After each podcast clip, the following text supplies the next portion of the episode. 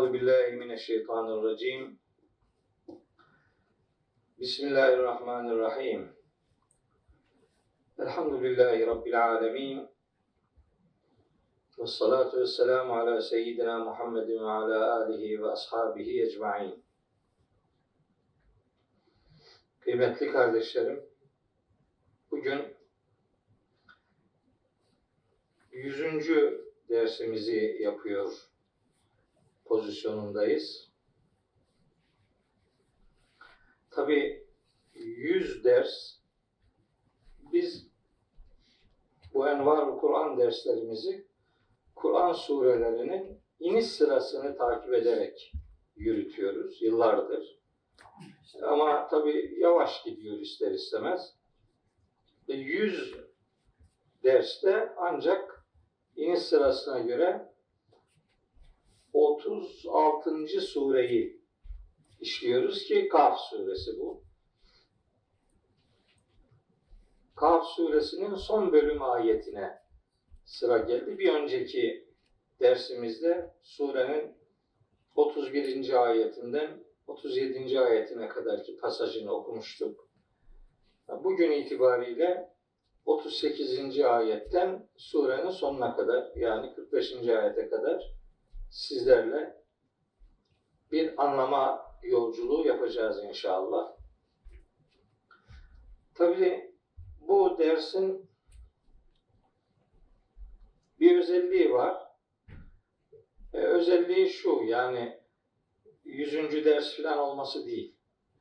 Ee, bizde böyle bir sayı fetişizmi yok yani öyle yüzmüş, 99'muş, 101'miş falan. Onlarla ilgilenmiyoruz. Ee, bu dersin çok özel bir tarafı var. Bunu sizinle özellikle paylaşmak istiyorum daha ayetlere başlamadan önce. Bunun bir tanesi Rabbimizin kainatı, evreni yaratmasıyla alakalı muhteşem bir ayet okuyacağız. Sonra aslında hiç tahmin etmediğim bazı çevrelerde hiç beklemediğim bir takım insanlardan Kur'an ve namaz konusunda e, garip şeyler duyuyorum. Yani işte namaz yoktur aslında. Namaz diye bir şey yoktur. Aslında başka bir şey var. E, bu kadar bin senedir filan yapılan da aslında hep yalan. Bunlar hep uydurma şeyler filan diye böyle Kur'an ve namaz ilişkisinde namazsızlık üzerinden yürüyen bir algı var. Üstelik bu algının e, savunucuları kendilerini Kur'an Müslümanı diye tanıtıyorlar. Bu tanıtımda Kur'an Müslümanlığı denilince de o söylem otomatik olarak bize e, mal ediliyor. Yani birileri işte Kur'an'da namaz yoktur deyince ve kendi tanıtımlarını da Kur'an Müslümanı şeklinde yapınca sanki mesela ben de öyle diyormuşum gibi. İkide bir bunu savunmak veya buna cevap verme zorunda hissediyoruz kendimizi. Bugün o konuya da özellikle temas edeceğim. Çünkü e, surenin özellikle 39 ve 40. ayetlerinde bu konuyu açmamız gerektiğini düşünüyorum. Ondan sonra surenin son ayetinde de biz niye Kur'an, Kur'an, Kur'an, Kur'an diyoruz? İşte onun sebebi 45. ayette ele alınacak. O ayeti de bugünkü dersin üçüncü berceste konu başlığı olarak sizinle paylaşmak istiyorum. Bu üç konudan dolayı bu dersin özellikli olduğunu sizlere daha dersin başında e, ifade edeyim. Bu çizgide e, birbirimizi takip etmiş olalım. Birbirimizi böyle anlamaya gayret edelim. Sözümün e, başında Rabbimden niyaz ediyorum. Bana söyleyeceklerimi doğru söyleyebilmeyi lütfeylesin. Size de dinleyeceklerinizi doğru dinlemeyi, doğru anlamayı ve hepimizin hakikati doğru sahiplenip yaşamamızı nasip ve müyesser eylesin inşallah. Evet. Kaf suresinin 38. ayeti şöyle bir metinle önümüzdedir. Estağfirullah. Ve lekad halakna semavati vel arda ve ma beynehuma fi sitteti eyyamin ve ma messena min lughubin. Yemin olsun ki biz gökleri, yeri ve ikisinin arasında bulunanları altı günde, altı dönemde, altı devrede yarattık ve bunu yaparken de bize hiçbir yorgunluk dokunmadı. Biz hiç yorulmadık. İfade bu. Şimdi bu ifade aslında anlaşılan bir ifade. Yani lafı çok fazla evirip çevirmeye gerek yoktur denebilir. Fakat bununla ilgili pek çok ayeti hatırlamak ve pek çok ayet üzerinden bir mesaj dinçliği sağlamak gerekiyor. Ben bu derslerde yıllardır söylüyorum. Sadece bu derslerde değil, başka yaptığım konuşmalarda da söylüyorum. Kur'an-ı Kerim'in bir ayetinin ne demek istediğini eğer anlamak istiyorsanız onun her ayetinin ne dediğini bilmeniz gerekiyor. Çünkü bunlar böyle birbirine bağlı ayetler. Birbirinden kopartılmaması gereken bir mesaj birlikteliği vardır bu ayet kelimelerde. Onun için bazı ayetleri bir Kur'an e, ilkesi olarak, Kur'an metodu olarak bilmek gerekiyor. Onun için pek çok ayeti okuma ihtiyacı var. Meseleyi biraz daha yerli yerine oturtabilmek için. Şimdi önce şunu söyleyeyim. Bundan önceki derste e, cennetliklerle alakalı, onlara vaat edilen e, güzel akıbetle alakalı bir takım bilgiler verilmişti. E, o derste aynı zamanda geçmiş helak edilen milletlerin neden helak edildiğine dair bilgiler verilmişti. Ondan öncesinde cehennemliklerle alakalı uzun uzadıya bilgiler verilmişti. Şimdi 38. ayete gelince zannedilebilir ki bu 38. ayet bu surenin konu bütünlüğüne uymuyor zannedilebilir. Yani hiç alakasız bir iş bir yere geldi. Böyle düşünülebilir. Bu doğru değil. Neden doğru değil? Çünkü surenin özellikle 6. 7. 8, 9, 10, 11. ayetlerinde yani Kaf suresinin 6 ila 11. ayetlerinde Yüce Allah kainat kitabından söz ediyor. Yani üzerimizdeki göğe dikkat çekiyor. Onun nasıl bina edildiğine, onu nasıl süslendiğine, ona da orada nasıl eksik, gedik, yarık hiçbir şey bulunmadığına, yeryüzünün nasıl genişlemesine düzenlendiğine, oranın içine nasıl ağırlıklar yerleştirildiğine, yeryüzünde her güzel bitkiden nasıl çiftler yaratıldığına ve bütün bunları hakkın yolculuğunu yapan her bir kul için bir ibret ve gerçeği hatırlama vesilesi olduğuna dikkat çekilmiş. Gökten yani yukarıdan indirilen yağmurun bir bereket kaynağı olduğu ve onun sayesinde çeşitli ürünler ve çeşitli meyveler e, yaratıldığı ifade edildi. İşte bu evren kainat kitabından söz eden içerikleri nedeniyle 6 ila 11. ayetlerdeki içeriye gönderme yaparak Yüce Allah sure içerisindeki bir konuyu yeniden ama başka bir boyutuyla dikkatlere sunmaya dair bir beyanda bulunuyor.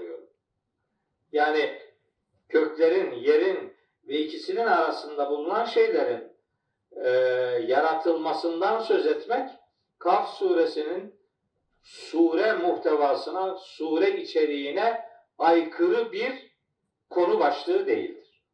O önceki ayetlere yeniden gönderme yapıldığını bu vesileyle ifade edeyim. Şimdi Kur'an-ı Kerim'de bu velakad halakna ifadesini 97. derste uzun uzadıya anlatmıştım. Ee, çok iyi hatırlıyorum. Velakat ne demektir? Halakna ne demektir? Halaka fiilinin diğer fiillerden farkı nedir? 97. dersin ilk dakikalarında bu konuya geniş yer ayırmıştım. Şimdi bir daha onları tekrarlamak istemiyorum. Andolsun ki biz yarattık. Neyi yarattı Allahu Teala? Semavati vel arda gökleri ve yeri ve bir de ma beynehuma arasında bulunan şeyleri. Kur'an-ı Kerim'de bazen bu arasında ma beynehuma ifadesi yer almadan göklerin ve yerin yaratılmasından söz edilen ayetlerde aslında maksat bütün mahlukattır. Fakat bu belki anlamada bir sıkıntıya ya da bir eksikliğe kapı aralar diye gökleri, yeri ve ikisinin arasındakileri beyanıyla bütün mahlukatın Rabbimiz tarafından yaratıldığına bu şekilde göndermede bulunulur ve bununla ilgili de hatırı sayılır ayeti kerimelerin oldukça fazla ayetlerin bulunduğunu söyleyeyim.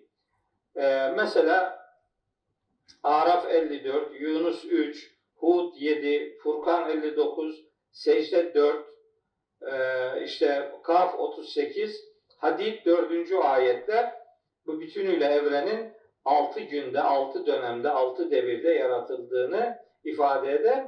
Bu 6 devir ifadesinin bulunmadığı başka ayetlerde de e, bütün mahlukatın Allah tarafından yaratıldığına dair göndermeler vardır. Ben o o noktada başka detaylara girmek istemiyorum.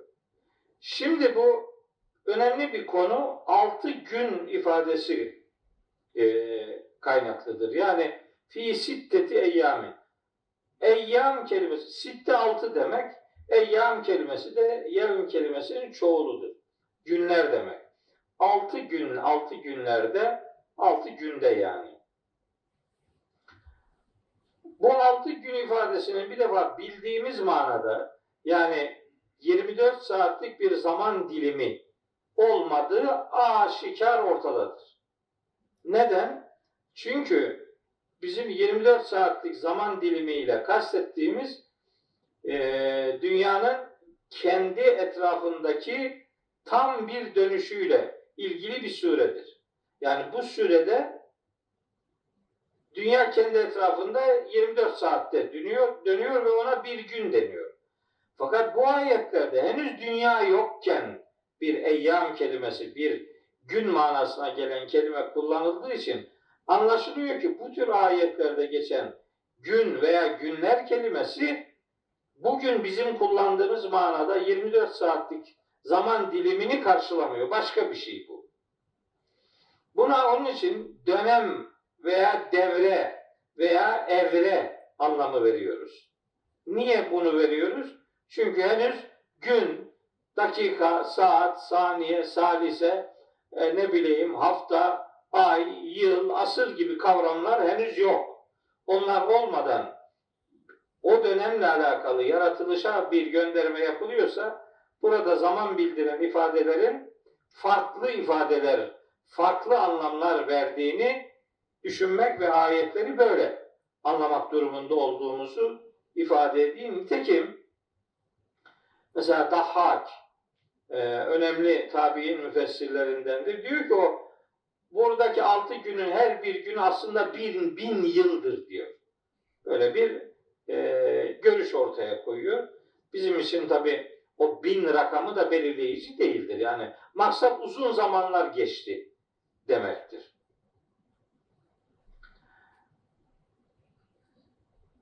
Şimdi bu altı gün, altı evre, altı dönem ifadesini neden altı? Bu altı rakamı neyin nesidir? Altı ne, niye zikrediliyor? Bunun üzerinde bir kafa yormak ve buna dair acaba söylenebilecek bir şeyler var mıyı sorgulamak gerektiği kanaatindeyim. Bakınız Kur'an-ı Kerim'de gerek evrenin gerek insanoğlunun yaratılışıyla alakalı aşamalılıktan söz eder Allahu Teala. Bir aşamalılık vardır.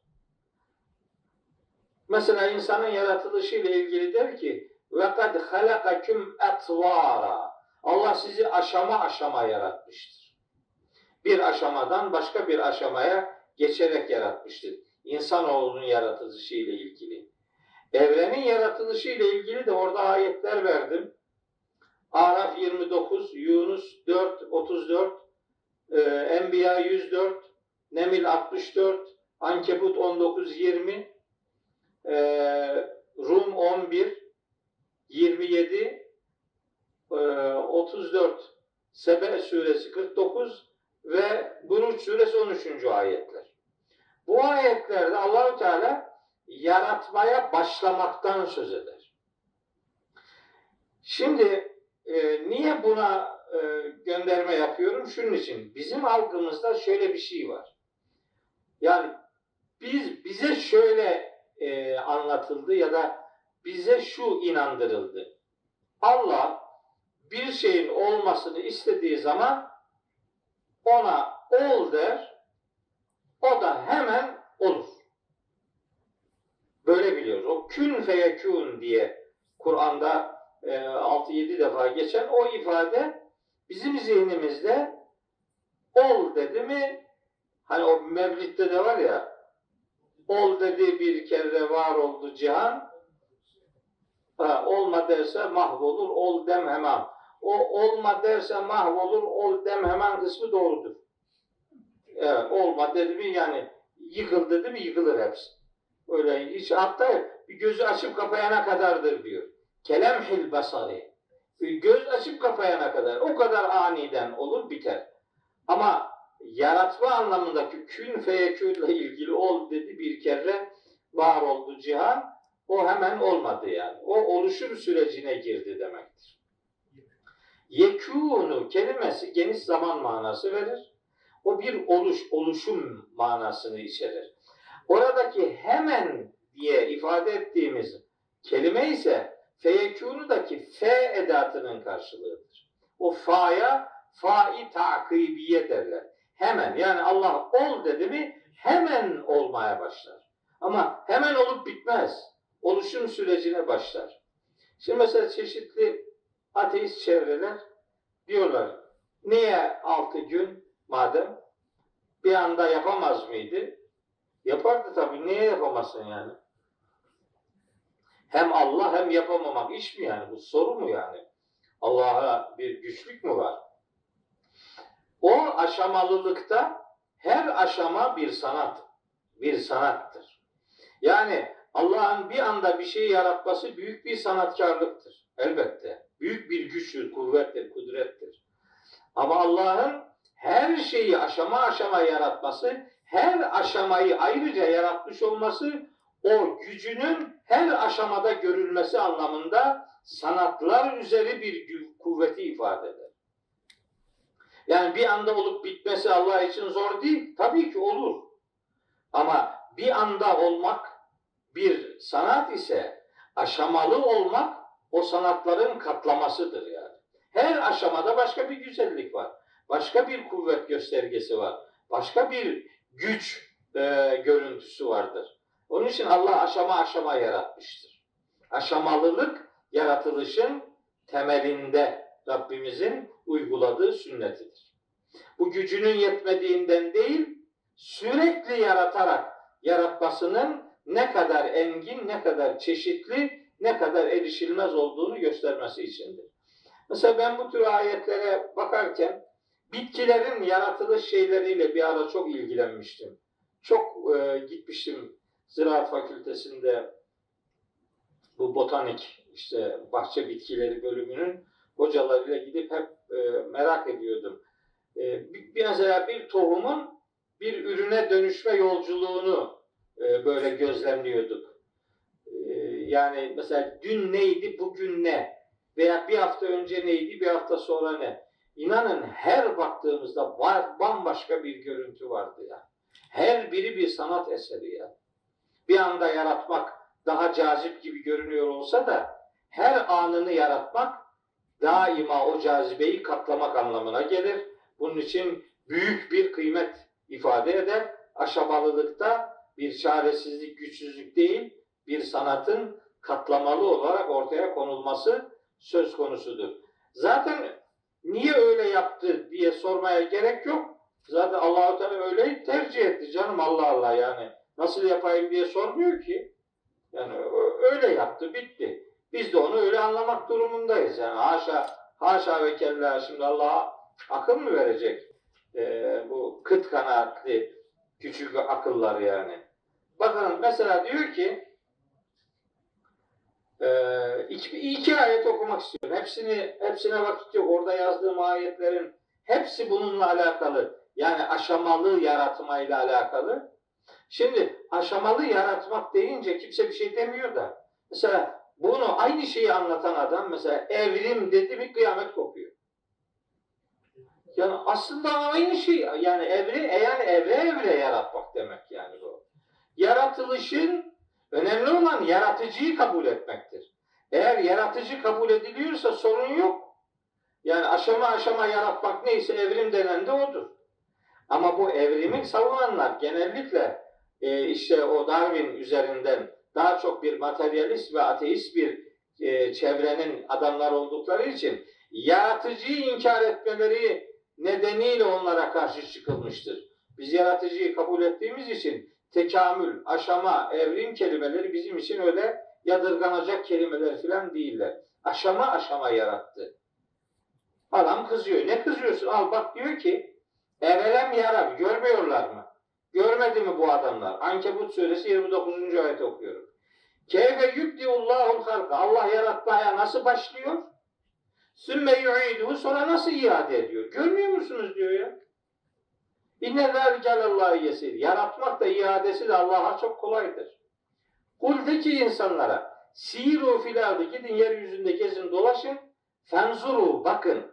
Keyfe bede'el halka. Allah yaratmaya nasıl başlamış? Sümmellahu yunşi'un neş'etel ahire. Sonra o ahiretteki varoluşu nasıl inşa edecek? O konuda kafa yorun diyor yani. Bu evrende yaratılışın aşamalılığı muhakkak bir gerçektir. Buna yani başka bir şeye karşı çıkıp da faturayı aşamalı yaratılışa kesmek asla doğru değildir. Yaratıcı kudrete iman edildikten sonra geri kalan düşünceler bizim için sakıncalı filan değildir. İnşallah Tarık suresini anlatırken Tarık suresinde insanoğlunun yaratılışı ile ilgili çok detaylı bilgi aktarmayı e, planlıyorum. Orada insanın yaratılışında nasıl aşamaların yaşandığını da ayet ayet, madde madde kardeşlerime hatırlatacağım. Tarık suresini iki bölümde işleyeceğim Tarık suresini. Birinci bölümde o konuya değineceğim nasip olursa. Şimdi bu aşamalılık bir problematiğe dönüşmemelidir Müslümanların zihninde. Ee, bunu şunun için söylüyorum. Bakın açacağız bir Müslüman olarak kitabımızı. Fussilet suresinin 9, 10, 11 ve 12. ayetlerini okuyacağız. Şimdi bu ayetler Allah'ın kitabında duruyor. Yani ayetler burada dururken biz başka bir yolculuk yapmak durumunda değiliz. Kitabullah bize ayetleriyle sesleniyor. Kainatın aşamalı yaratılışına dair bilgi veren ayetleri bir ayet grubu üzerinden sizinle paylaşmak istiyorum. Okuyacağım bir sürü ayet var konuyla ilgili ama hepsini okumuyorum. Birer tane olsun aktarayım istiyorum. Şimdi Fussilet suresi 9. ayet. Buyuruyor ki Rabbimiz, kul de ki e inneküm letekfurune billezi şu kudreti inkar mı ediyorsunuz siz yoksa? Halakal arda yeryüzünü yarattı. Ne zaman yarattı yeryüzünü? Ne kadar sürede yarattı? Fi yevmeyni iki günde. Yeryüzünü iki günde yaratan o kudreti mi inkar ediyor? Ya da işte ona ve tecalune lehu endada ve ona ortaklar mı nispet ediyorsunuz? Etmeyin. Zalike Rabbul alemin.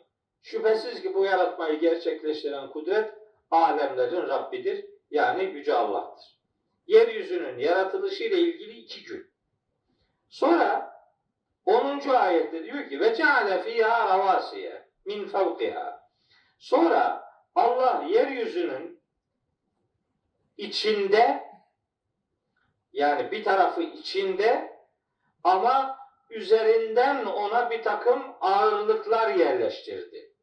Yeryüzünün üzerinden üzeriyle bağlantılı olacak şekilde içinde bir takım revasi, revasi ağırlıklar demek.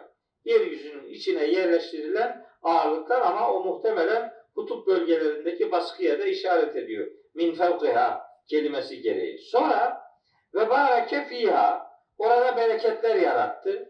ve kaddara fiha akvataha orada çeşitli gıdalar takdir etti. Allahu Teala hangi sürede bunu yaptı? Fi erbaati eyyamin. Dört günde. Yani yeryüzünü önce iki günde yarattı. Sonra o iki günün devamında işte içine ağırlıklar yerleştirilmesi, bereketler e, konulması, gıdalar takdir edilmesi de dört günde oldu. Yani o iki ile beraber o ikiyi de hesaba katarak yeryüzünün yaratılış sistemi toplam dört günde bitti. Dört evrede yani. Dört dönemde. Çünkü henüz daha yeryüzü daha sistemine kavuşmadığı için bildiğimiz 24 saatlik zamandan söz etmiyoruz. Sonra şu 11. ayet okuyorum. Sümme sonra isteva ile semai. Sonra Allah göğe yöneldi. Şimdi burada önemli bir problem var. O problemi çözme adına bu detayı veriyorum. Savaş şimdi diyor ki ne anlatıyor bu? Bu sana lazım. Sen de tartışıyorsun onu e, bulunduğun ortamlarda. Ee, işte Kur'an'da çelişki var diyor. İşte önce yer yaratıldı, sonra gökler yaratıldı falan öyle değil. Öyle değil yani. Gözünü seveyim. Hepsini bilmen lazım ayetlerin. Hepsini bilmeden öyle kanaat sahibi olmak doğru bir e, okuma biçimi değil. Bakın diyor ki Sümmesteva Sümmesteva ile semai Sonra Allah göğe yöneldi.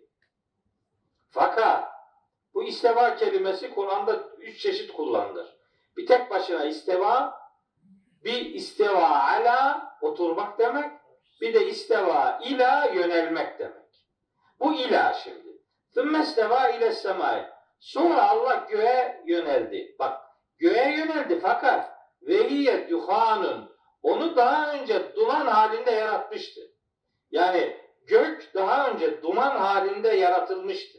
Yani önce gök yaratıldı, sonra yeryüzü yaratıldı, sonra yeryüzünün içerisindeki e, ince işte nimetler, işte ağırlıklar, şunlar bunlar yerleştirildi.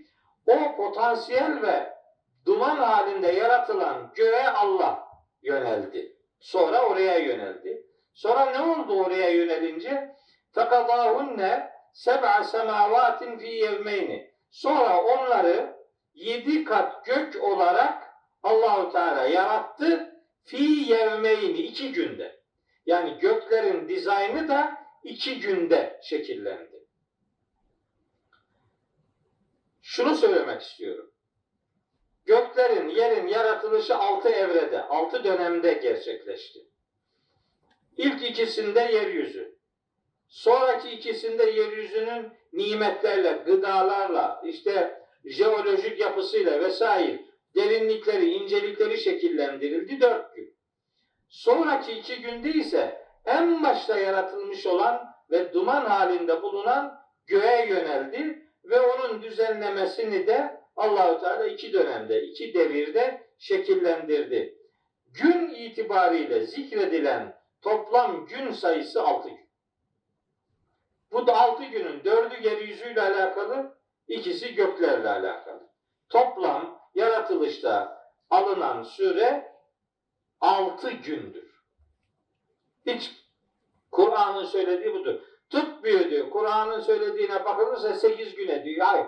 Sekiz gün değil, altı gün. Bunun detayı Fussilet suresi 9, 10, 11 ve 12. ayetlerdir. Bu ayetler bize bu noktada net bilgi veriyor.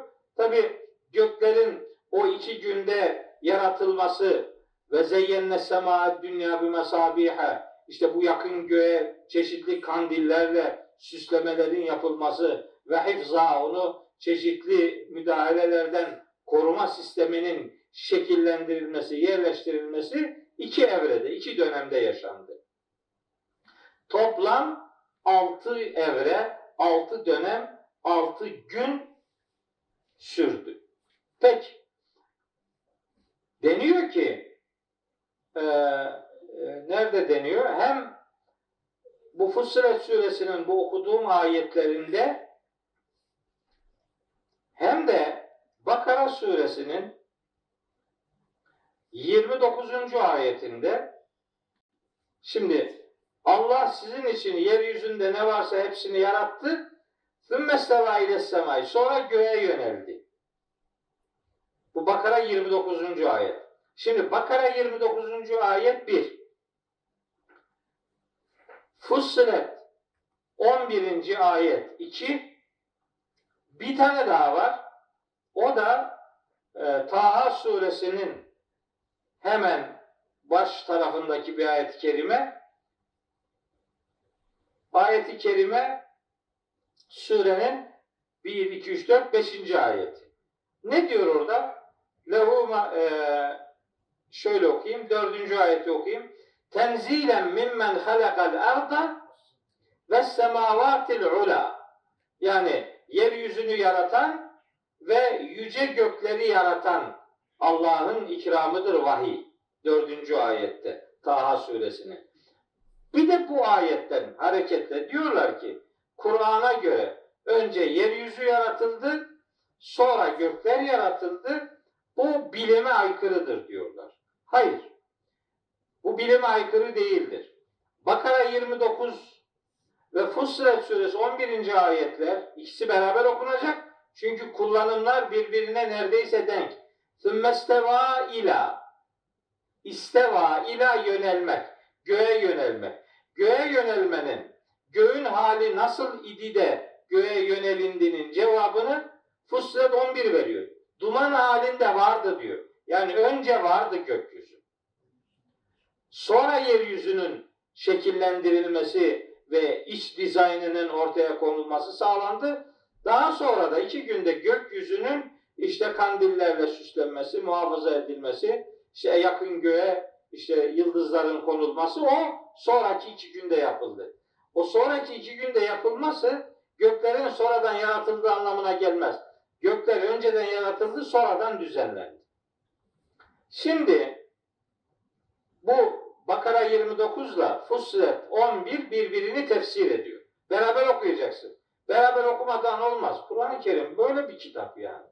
Bu gönderme yapacaksın. Verkaç sistemi var bunda. Mesani, müteşabih bir kitap. Ayetleri birbiriyle buluşturup konuyu anlamaya çalışacaksın. Böyle parça, parçalı parçalı okudun mu, dağınık dağınık okudun mu o hakikate ulaştırmaz seni. En çok Kur'an-ı Kerim'de göklerin ve yerin yaratılışından söz eden onlarca ayette hep gökler önce, yeryüzü sonra gelir. Halakas semavati vel arda. Dolu. Bir sürü ayet-i kerime var. Dolu. Bir tane istisnası var bunun. Bir tane. O da bu Taha suresi 4. ayetteki. Ne diyor orada? Tenzilen mimmen halakal arda ve semavatil ula. Burada bir tek burada. Yeryüzünü önce zikrediyor, gökleri sonra zikrediyor. Niye? Bu yeryüzünün önce göklerin sonra yaratıldığı anlamına gelmez. Biraz Kur'an estetiğinden haberi olan adam bunu fark eder. Bakın bu Taha suresi 4. ayet ya. E 4. ayet demek bunun 1, 2, 3'ü de var demektir. Hatta 5, 6, 7 öyle devam ediyor da bu ayetler grubu var. Bakın ayetleri okuyup her bir ayetin sonunda durduğunuz zaman size bir şey öğretir. Taha ma enzelna aleykel Kur'ane liteşqa illa tezkireten limen yahşa Er-Rahman alel arşi isteva lehu ma fis semavati ve ma fil ardı ve ma beynehuma ve ma tahtes sera ve in tecel bil kavli fe innehu ya'lemu sirre ve ahfa Allahu la ilahe illa huve lehul esmaul husna ve hel etake hadithu Musa bakın A sesi var A öyle gidiyor ta, ta surenin sonuna kadar aşağı yukarı böyle gidiyor. Ayet sonlarındaki ses uyumu da Kur'an'ın önemli estetik özelliklerinden biridir. Bu ayetle, bu dördüncü ayette eğer gökleri önce zikretseydi, yeryüzünü sonraya bıraksaydı bu A ses uyumu sağlanamayacaktı. Yani tenzilen mimmen halakas semavatil ula vel arda dedi mi o A ses uyumu gidecekti. Buradaki mesele A ses uyumunun sağlanmasından dolayıdır. Hatta semavat kelimesi tek başına o A uyumunu vermediği için Allahu Teala onun sıfatı olarak A sesiyle biten el-ula kelimesini ayetin sonuna semavat kelimesinin sıfatı olarak getirmiştir.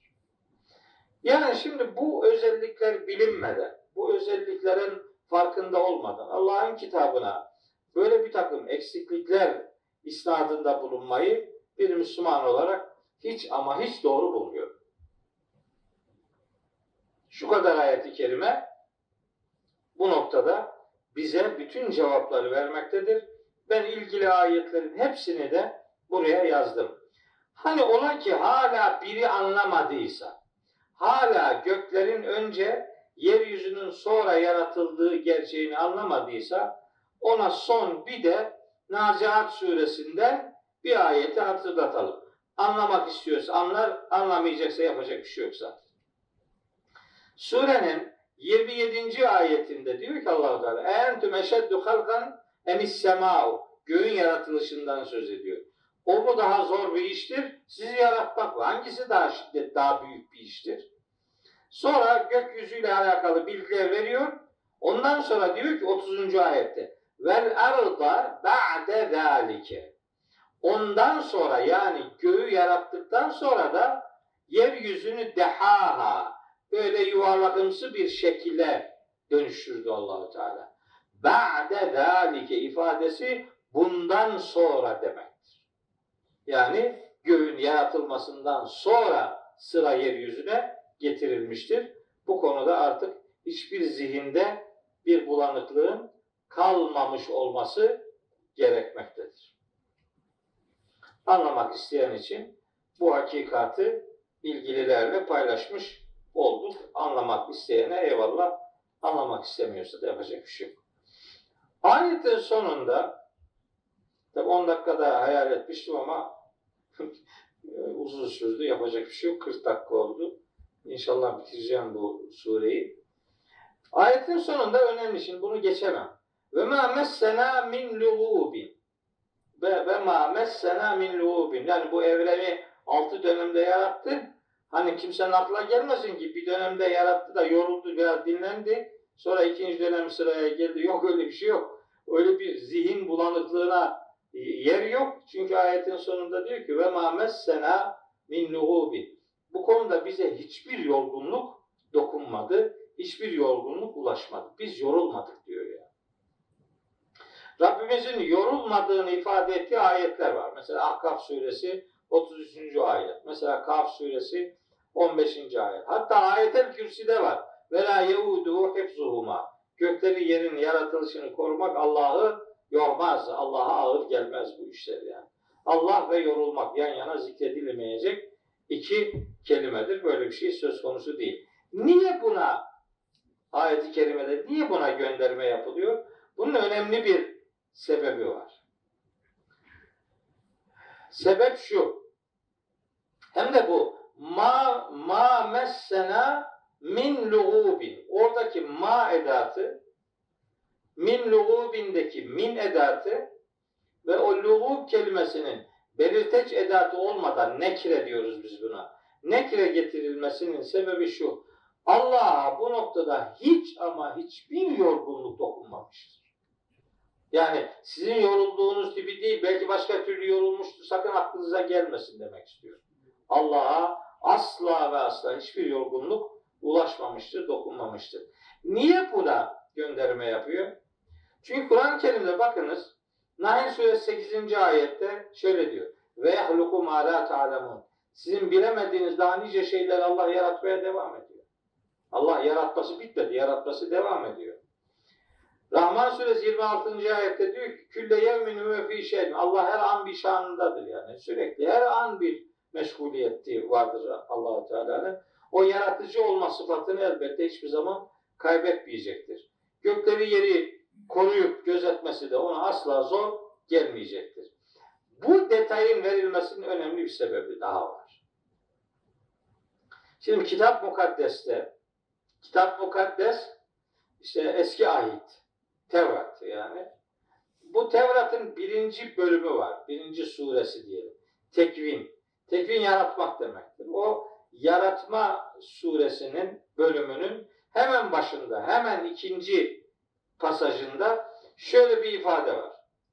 Gök ve yer bütün öğeleriyle tamamlandı. Yedinci güne gelindiğinde Tanrı yapmakta olduğu işi bitirdi. Yaptığı işten o gün dinlendi. Yedinci günü kutsadı. Onu kutsal bir gün olarak belirledi. Çünkü Tanrı o gün yaptığı, yarattığı bütün işi bitirip dinlendi. Ha. Şimdi bak bu bir şimdi Türkiye'de bazen şöyle yapıyorlar. Bir ayeti anlamak için gidiyor Tevrat'a müracaat ediyor. Ya hangi Tevrat'a müracaat ediyorsun? Gözünü seveyim. Bunu görünce diyor ki bak bu Tevrat'ın bozulduğunun tarif edildiğinin delilidir diyor bizim camia. Doğru yani bu tespit doğru. Fakat aynı camia aynı camia aynı Tevrat'ın üstelik aynı tekvin kitabının aynı bu, bu, bu sure diyelim ona artık bölümünün biraz daha ilerleyen ayetlerinde ilk insanların yaratılışından söz ediyor. İşte Adem yaratıldı, cennette uykuya daldı, uyandı, çok da sıkılıyordu, uyandı, bir baktık yanında bir kadın var. Sen kimsin dedi, ben işte senin için yaratıldım. Nereden yaratıldın? Kaburga kemiğinden yaratıldın diye, ben sana arkadaş olayım diye Tevrat'ta aynı yerde var, aynı. Buraya tahrif edildi diye nitelendiren insanlar orayı sanki Tevrat'ın tahrif edilmemiş kısmı oymuş gibi onu aldılar. ifadeleri Arapçalaştırdılar ve Adem'i, Havva'yı ve ilk nesli oradan öğrenmeye çalıştılar. Oysa burası nasıl bozulmuşsa orası da öyle bozuldu. Çünkü bu konuda Allah kendisine hiçbir yorgunluğun dokunmadığını söylediği gibi ilk insanın yaratılışıyla alakalı da Tevrat'ın dediklerinin tam tersine şeyler söylüyor. O zaman bir ilkesi olması lazım bir adamın. İlkesi ne olacak? Senin asıl kitabın ve danışacağın kitap hangisi? Asıl kitabın Kur'ansa danışacağın diğer kitaplar Kur'an'a uygunsa bakarsın ona. Kur'an'a aykırıysa o danışılma özelliğini kaybetti demektir. Bizimki tersine çevirdi. Neredeyse Kur'an'ın doğruluğunu Tevrat'a soruyor. Tevrat'a uygunsa doğrudur. Nitekim böyle mealler yazıldı Türkiye'de. Böyle mealler yazıldı biliyor musunuz ya? Korkunç. Korkunç. Tabi o mealleri öyle yazan adamların niyetinin bozuk olduğunu sonradan anladık bu 15 Temmuz'dan sonra filan. Anladık ama aynı yolu öbürleri de tercih, takip ediyor. Havva Adem'den yaratıldı diyor. Sonra Havva Adem'le evlendi diyor. Ya insan kendi parçasıyla evlenir mi? Yani insan kendi çocuğuyla evlenir mi? Bu nasıl bir ensest ya?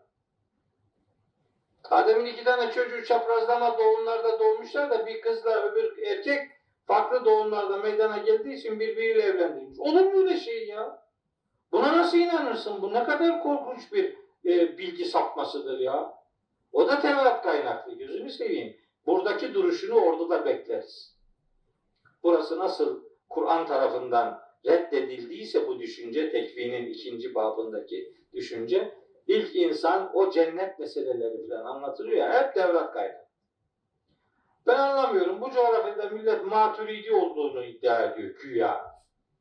Nasıl maturididir ben bunları anlamıyorum ya. İmam Maturidi bu ilk Adem'in Havva'nın çıkartıldığı cennetin dünyada bir bahçe olduğunu söylüyor. Bu bizimki onun mahşerdeki cennetti. Senin imamın kim? Maturidi. O öyle demiyor. Demesin. Demeyebilir. Orada onu almayabilir. Ama ben onun benimsediği bir şeyi almadığım zaman beni diyor ki eski ulemayı hep reddediyor. E sen de reddediyorsun gözünü seveyim. Hem de imamım dediğin adamı reddediyorsun yani. Hani ilkesel doğru bir duruş özlemimiz var. Onu dillendirmek istiyorum. Başka da bir derdim yok. Evet 38. ayetle ilgili söyleyeceklerim bu kadar.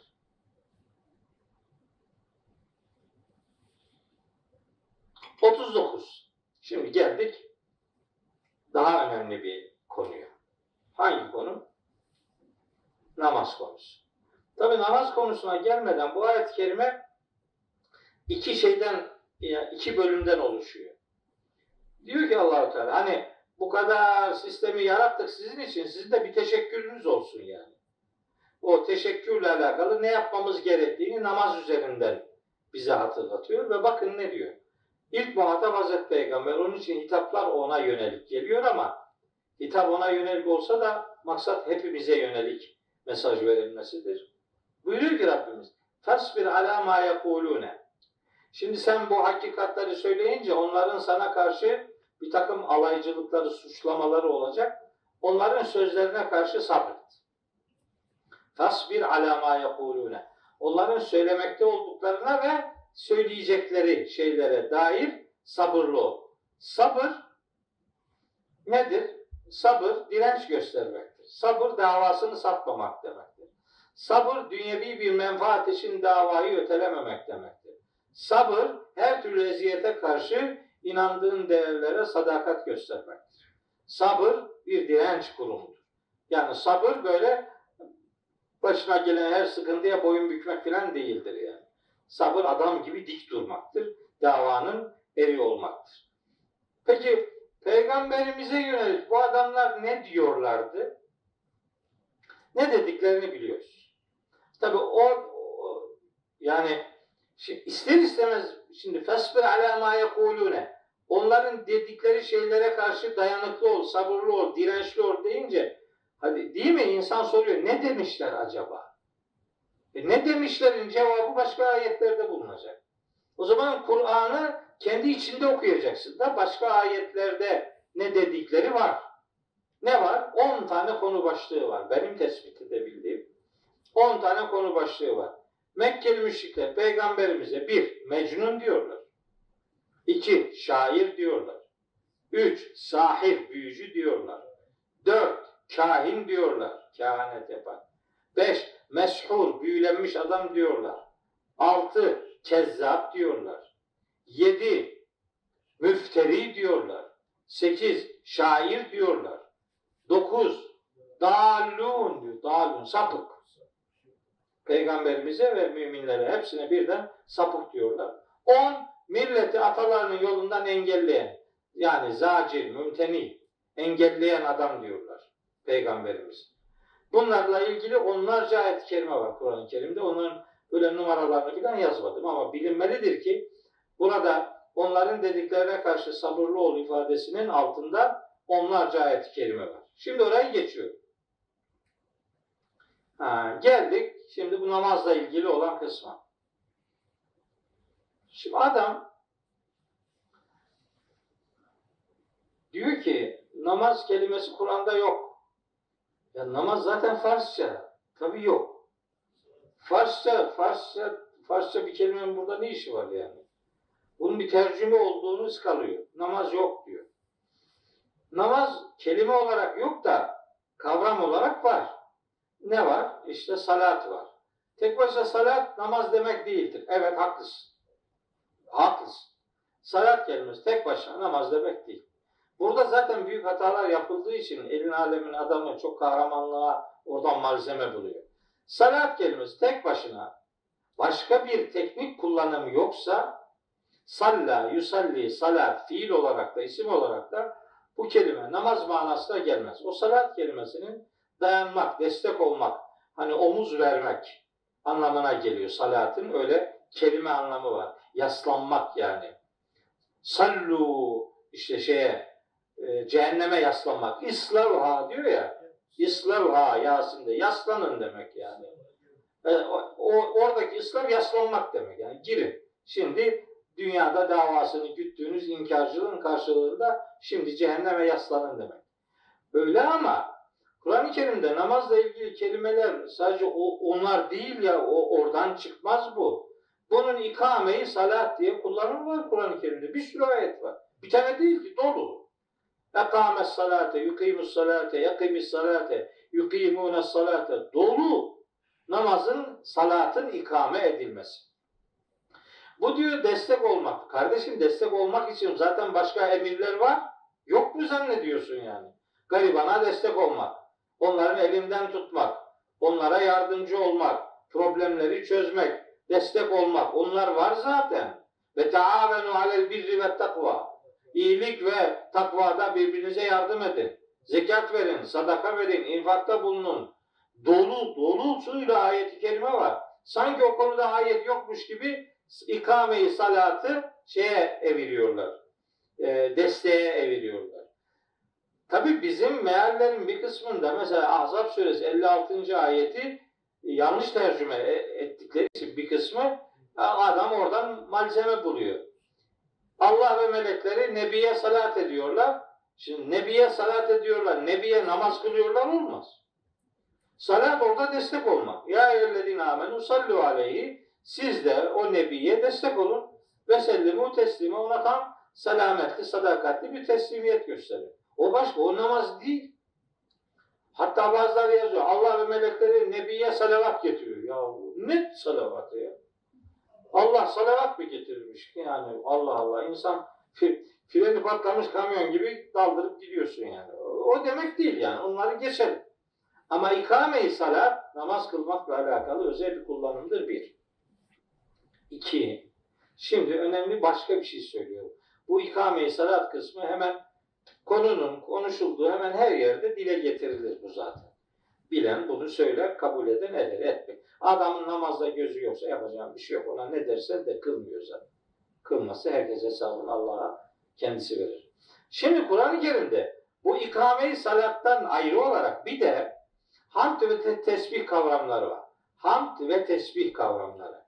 Bu hamd ve tesbih kavramları hatta zikir kavramı onu da katalım. Hatta zikir ve tesbih üzerinden ifade edeyim. Zikir ve tesbih kavramları Kur'an'da iki tür kullanılır bunlar. Bu, bu tekniği bilmek lazım yani. Bunu bilmeden yani bu konudaki değerlendirme sakat kaçacaktır. Şimdi mesela şöyle ayetler var. Bir tane söyleyeyim. Buraya not almadım ama artık buradan söyleyeyim.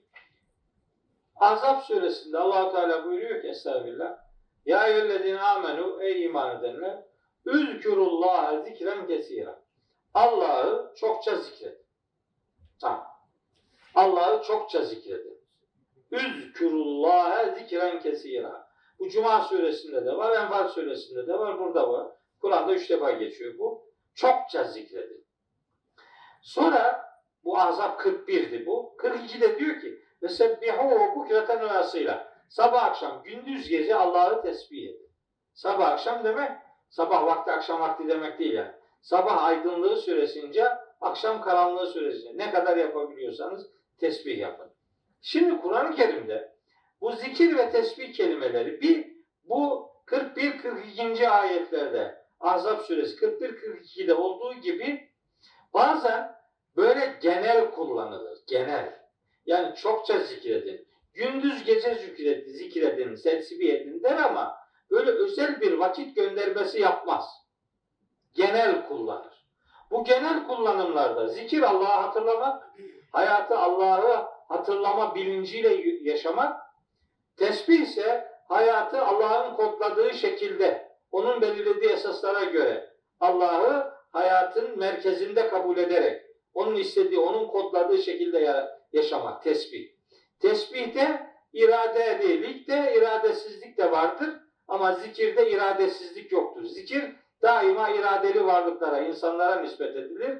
Tesbih iradeli, iradesiz bütün varlıklara nispet edilir. Burada konu müminler, insanlar olduğu için maksat iradeli kısmıdır ama bilelim ki tesbihin iradesiz varlıklarla da ilişkisi var. Onu söyleyeyim yani. Şimdi bir böyle var. Yani bir böyle anla, anlaşılıyor değil mi? anlaşılıyor mu? İlmi abi. Ha. Şey yani genel kullanıyor. Vakit özel bir özel bir vakit vermiyor yani. Şu saatte şurada güneş oradayken buradayken falan öyle demiyor yani. Genel. Çok zikret. Sabah akşam gündüz gece zikret, tesbih et diyor. Bir böyle var. Bir de işte bu ayette olduğu gibi nokta zaman, nokta vakit bildiriyor. Zamanını veriyor diyor. Şurada, şu anda, şu zamanda, şu dakikada veya şu saatte ne saat ne diyor? Ve sebbih bihamdi rabbike. Rabbini hamd et, Rabbinin hamdiyle tesbih et. Ne zaman? Kable tulu'i şemsi güneş doğmadan önce bak özel bir vakit söylüyor. Güneş doğmadan önce ve kablel gurubi ve batmadan önce. Güneş doğmadan önce, batmadan önce. Devam ediyor. Bir sonraki ayeti de hemen söyleyeyim. Ve minel leyli fesebbihu gecenin bir bölümünden de tesbihe devam et ve edbâre sücudi ve secdelerin ardında da tesbihe devam et. Bak. Tesbih, secde, vakit, güneş doğumu, güneş doğumunun öncesi, güneş batımının öncesi. Özel bir vakitten söz ediyor. İşte tesbih ve zikir kelimeleri eğer özel bir vakitle ilişkili kullanılıyorsa bu özel bir zikir, özel bir tesbih demektir ki bunun literatürdeki karşılığı namaz. Bitti. Ben buradan namazın elde edilebilen bir mana olduğunu öyle kafama göre şekillendirmiyorum. Hani dedim ya ayetler birbirlerini tefsir ediyorlar. Bakınız şimdi söyleyeceğim size. Benzer bir ayet oradan bulamadım yerini. Taha, Taha 130. Bak Taha'da da aynı. Aynı ifadeler var. Taha'ya bakalım. Taha'da diyor ki allah Teala Fasbir ala ma yekulun. Aynı. Başı aynı. Ve sebbih bihamdi rabbike. Rabbinin hamdiyle tesbih et. Kable tulu'i şemsi ve kable gurubiha. Az bir değişiklik var. Güneş doğmadan önce ve batmadan önce Rabbini hamd ederek tesbih et.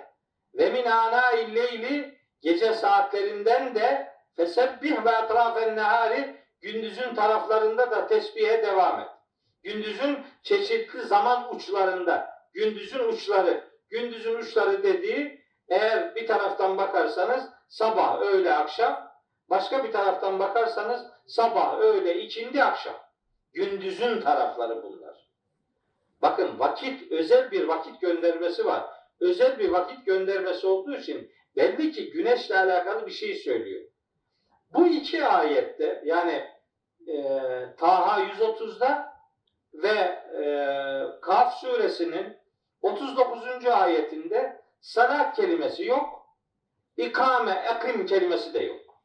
Peki buna benzer kullanımlar o kelimelerin kullanıldığı ayetlerde var mı? Var. Var tabi. Onlardan destek alarak bu yorumu yapıyoruz biz zaten. Onlardan destek almadan neye göre kafamıza göre bir şey üretecek halimiz yok. Bakın diyor ki Hud suresi 114. ayet.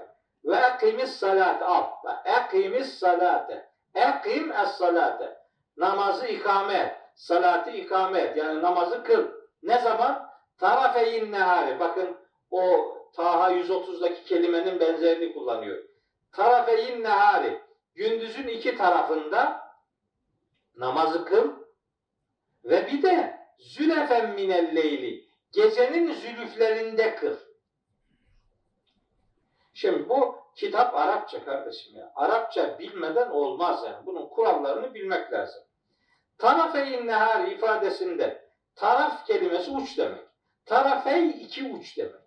Gündüzün iki uç, gündüzün bakın gündüzün iki ucu olduğu için maksat sabah ve akşam olamaz. Gündüzün iki ucu değil. Sabah dediğin şey gecenin bitimidir. Akşam dediğin şey gecenin başlamasıdır. Sabah ve akşam gündüzle değil, geceyle ilgili kavramlardır. Tarafe inna, gündüzün iki ucu, öğle ve ikindi vaktidir. Öğle. Bunun nasıl öğle ve ikindi olduğunu da başka ayetlerle söyleyeceğim. Başka ayetler de var. Tarafe inna, gündüzün iki tarafı. Öğlesi ikindisi. Gündüz, gündüz namazı bu. Gündüz olacak. Peki zülefen minel leyli ne demek? Gecenin zülüfleri. Bu zülef kelimesi zülfe kelimesinin çoğuludur.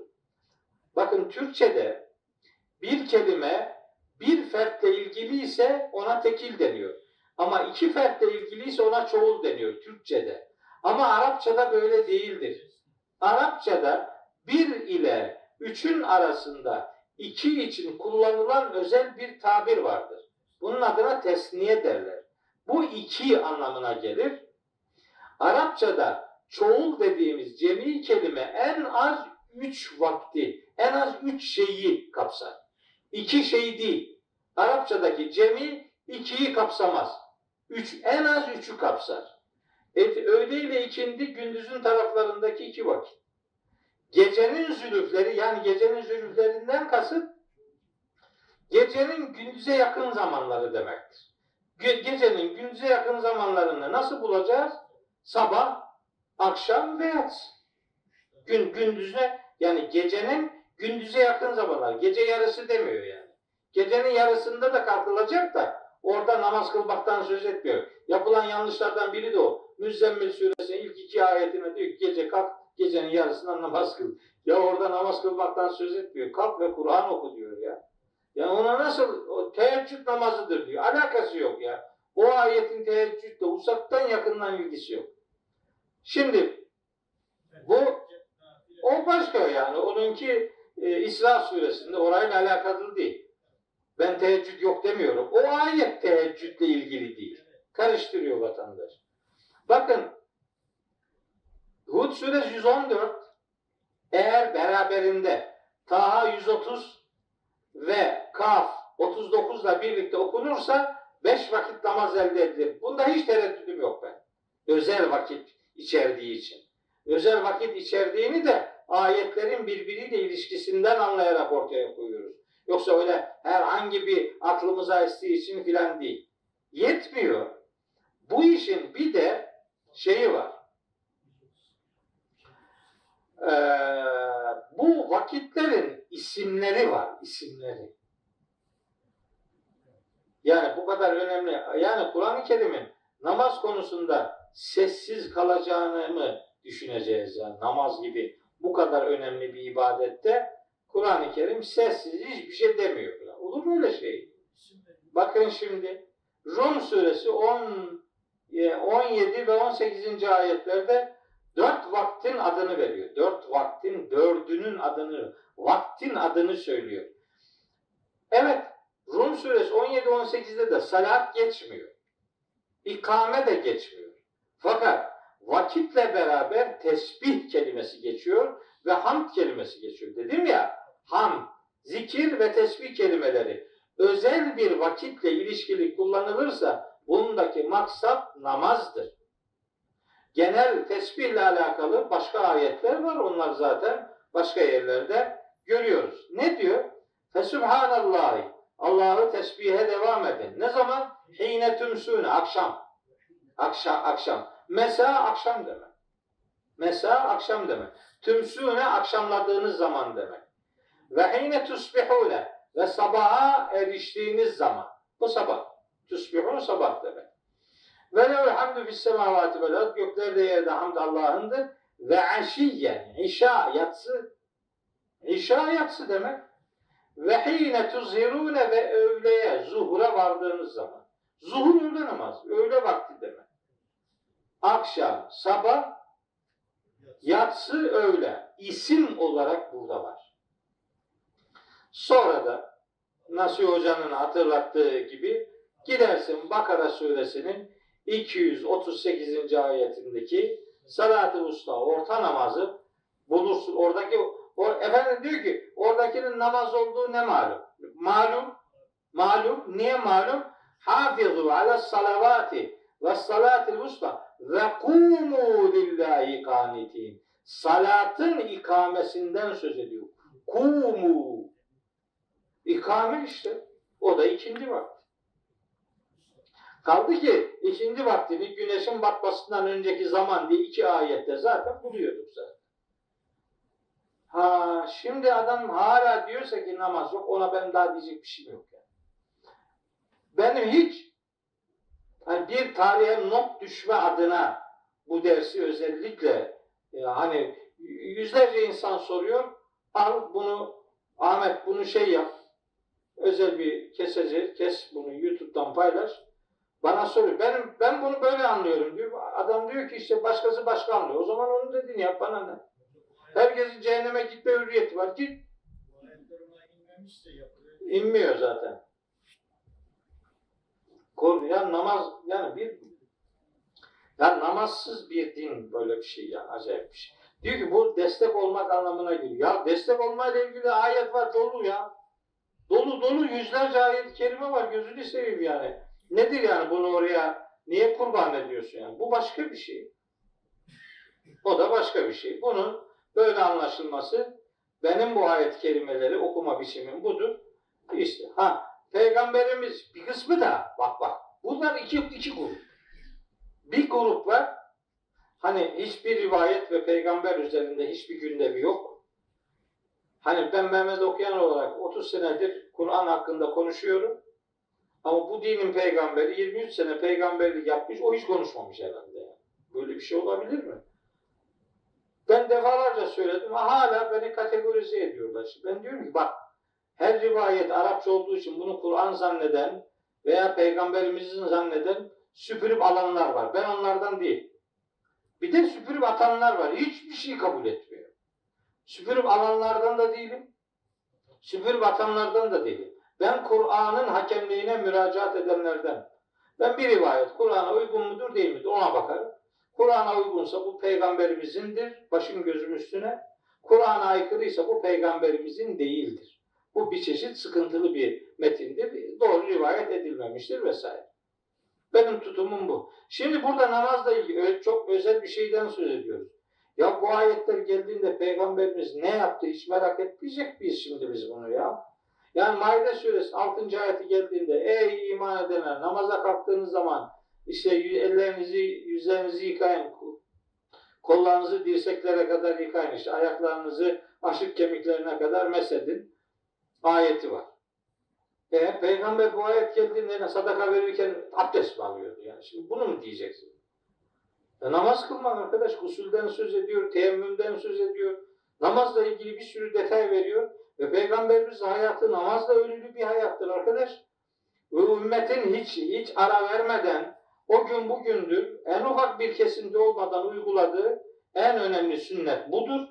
Bu sünneti yani Peygamberimizin Allah'ın bir emrini yerine getirme anlamındaki sünnetini Kur'an ve peygamber birlikteliğinin en güzel örneği olarak sunuyor. Ve böyle anlıyoruz.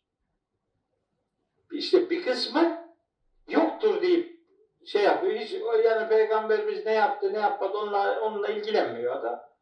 Bir kısmı da bu kadar ayet okuyorum. Bu ayetler adamı kesmiyor. Diyor ki namaz Kur'an'dan öğrenilmez. He? Onu öbür kitaplardan öğreneceğiz. Ne zoru var ya? Ne kavga ettiriyorsun? O kitaplardaki bilgiyi buna vuracaksın. Buna uyuyorsa eyvallah, buna uymuyorsa peygamberimizin olamaz diyebileceksin. Böyle hani bize böyle Kur'an Müslümanı suçlaması yapıyorlar. Bu benim için şereftir zaten. Ama bu adamlar da Kur'ansız Müslümanlar ya. Bunların hayatında hiç Kur'an yok ya. Hani ben rivayetle alakalı ya Rabbi bunun doğru aktarıldığından çok emin değildim. Onun için bu peygamberimizin olamaz deyip duruyordum. Sen ne diyeceksin Allah'a? Ya Rabbi sen kitap doğru gelmedi mi diyeceksin yani. Hani beni cehenneme gönderiyorsun da sen nereye? Hala yine mi gideceksin? Hayırdır ya. Seninki bir bin beter arkadaş. Allah'ın kitabını hayatına sokmuyorsun. Namazla ilgili şu kadar ayet var. Bakın namazın rükünleriyle ilgili ayetler okuyabilir.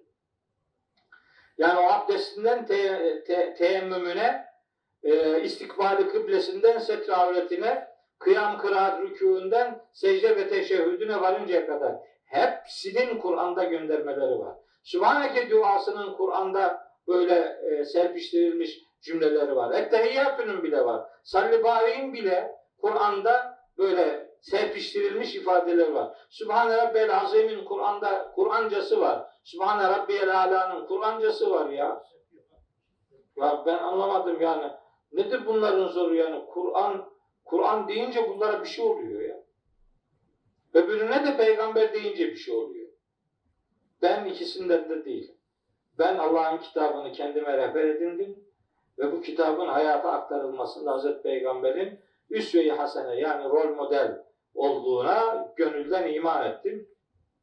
Ümmet içerisinde eğer bir aksaklık varsa, bir davayı, e, bir meseleyi ortaya koymada bir sıkıntı varsa, yine Kur'an'ın bana öğrettiğinden hareketle ben Kur'an'ın hakemliğine müracaatı kendime yol edindim. Ne diyor? Efe gayrallahi ebtagi hakemen. Allah'tan başka hakem mi edinecekmişim ben? Ve huvellezî enzele ileykümül kitâbe mufassala. Allah size bu kitabı açık açık meseleleri ortaya koyucu olarak indirmiş olmasına rağmen başka nasıl bir hakem? İşte Peygamberimizin hakemliğinden söz eden ayet var. Var. Var. Hangi ayet? Nisa suresinin 65. ayeti. O ayet o ayet bana delil, sana değil. O ayette Allahu Teala peygamberimizin hakem tayin edilmesini istiyor. Ama hakem tayin edilen peygamberin hüküm verirken nasıl hüküm vermesi gerektiğini de Nisa 65'i okuyor ama Nisa 105'i okumuyor. Hafızlığı 104'te bitiyor. 105'e bir türlü geçmiyor ya. İnna enzelna ileykel kitabe bil hakkı litahküme beynen nasi bima arakallah. Allah'ın sana gösterdiği şekilde hüküm vereceksin. İttebi ma uhiye ileyke min rabbik. Rabbinden sana vahyedilene tabi olacaksın. Bir sürü ayet-i kerime var. Bizimki Kur'an ve peygamber bütünlüğü üzerinden bir hayat standardı ortaya koymaktır. İbadetlerle ilgili yaklaşımım budur. Bu vesileyle bir şey daha söylemeliyim. Oraya not aldım. Yani onu söylemezsem e, benim için eksik kalacak. Şimdi bu sure, bu şey Kaf suresi işte beraberinde az daha sonra indirilmiş Taha suresi, bunlardan biraz daha sonra indirilmiş Rum suresi, efendim bu sıralarda indirilmiş Hud suresi, bunlar Risaletin 5 veya 6. yıllarında gelmiş sureler. Yani demek ki namazla ilgili vakitler şunlar bunlar Risaletin 5. yılında zaten bitmiş. Her şey ortada.